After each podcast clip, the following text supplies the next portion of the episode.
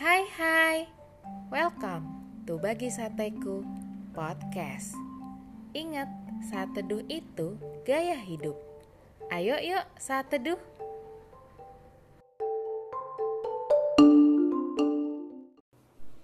Topik saat teduh kita hari ini adalah Tuhan kalah sama smartphone. Ayo kita buka Alkitab kita di Keluaran 20 ayat 3 yang berbunyi, Jangan ada padamu Allah lain di hadapanku. Sahabat sateku, sadar nggak kalau makin ke sini tuh, kita makin nggak bisa lepas dari yang namanya smartphone atau handphone. Bangun tidur udah bukan ku terus mandi lagi, tapi bangun tidur langsung yang dicari handphone.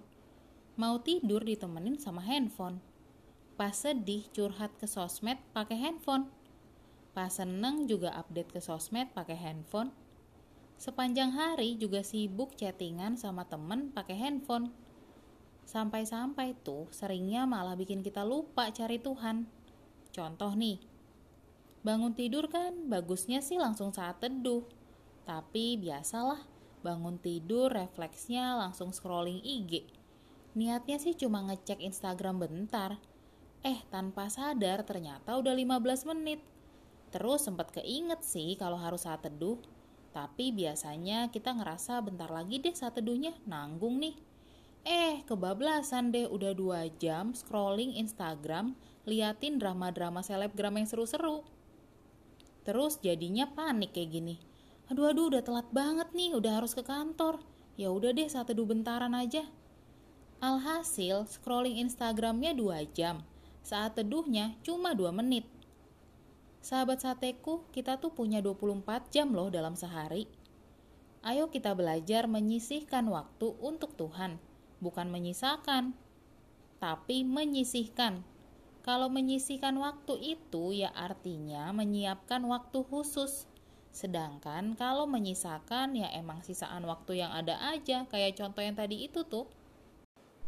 Mungkin ada yang nanya kayak gini, Loh, aku nggak menyisakan waktu kok. Kan emang saat teduhnya aku tuh ya baca-baca akun rohani di Instagram. Di situ kan ada ayat-ayat Alkitab. Terus aku nulis doa aku di story Instagram.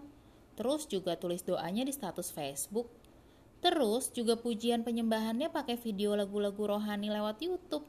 Emang nggak boleh kalau gitu? Sahabat sateku harus ingat kalau handphone kita itu cuma salah satu sarana untuk dapat memudahkan berinteraksi dan mendekatkan hubungan. Harus diakui kalau smartphone dapat memudahkan kita mendengar khotbah dan membaca renungan firman Tuhan. Namun ingat, handphone hanyalah sarana. Jangan malah jadi diutamakan. Kalaupun kita pakai handphone kita untuk mutar lagu rohani, baca renungan, atau bahkan nulis doa-doa kita, pertanyaannya adalah, apakah hati kita juga ikut memuji menyembah Tuhan saat lagu rohani terdengar dari handphone kita? Apakah kita ambil waktu untuk merenungkan firman yang kita baca di akun rohani di Instagram? Apakah kita benar-benar mendoakan secara pribadi doa-doa yang kita tulis di status sosial media kita? Jangan sampai nih itu semua cuma alasan dan pencitraan aja. Padahal emang kitanya aja yang udah kecanduan sama handphone dan sosial media. Jangan sampai nih malah handphone kita yang lebih sering menyanyikan pujian daripada mulut kita sendiri. Ingat, handphone kita hanyalah sarana. Jangan malah jadi diutamakan dan mencurahkan seluruh hati, pikiran, dan waktu kita di handphone. Jangan sampai handphone kita malah jadi menggantikan posisi Allah dalam hidup kita ya sahabat sateku.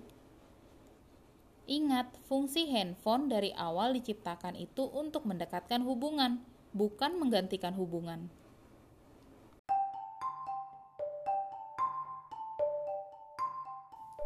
Terima kasih ya sudah saat teduh bersama Bagi Sateku Podcast. Tetap semangat saat teduh setiap harinya. Sampai jumpa di saat teduh-saat teduh berikutnya. God bless you.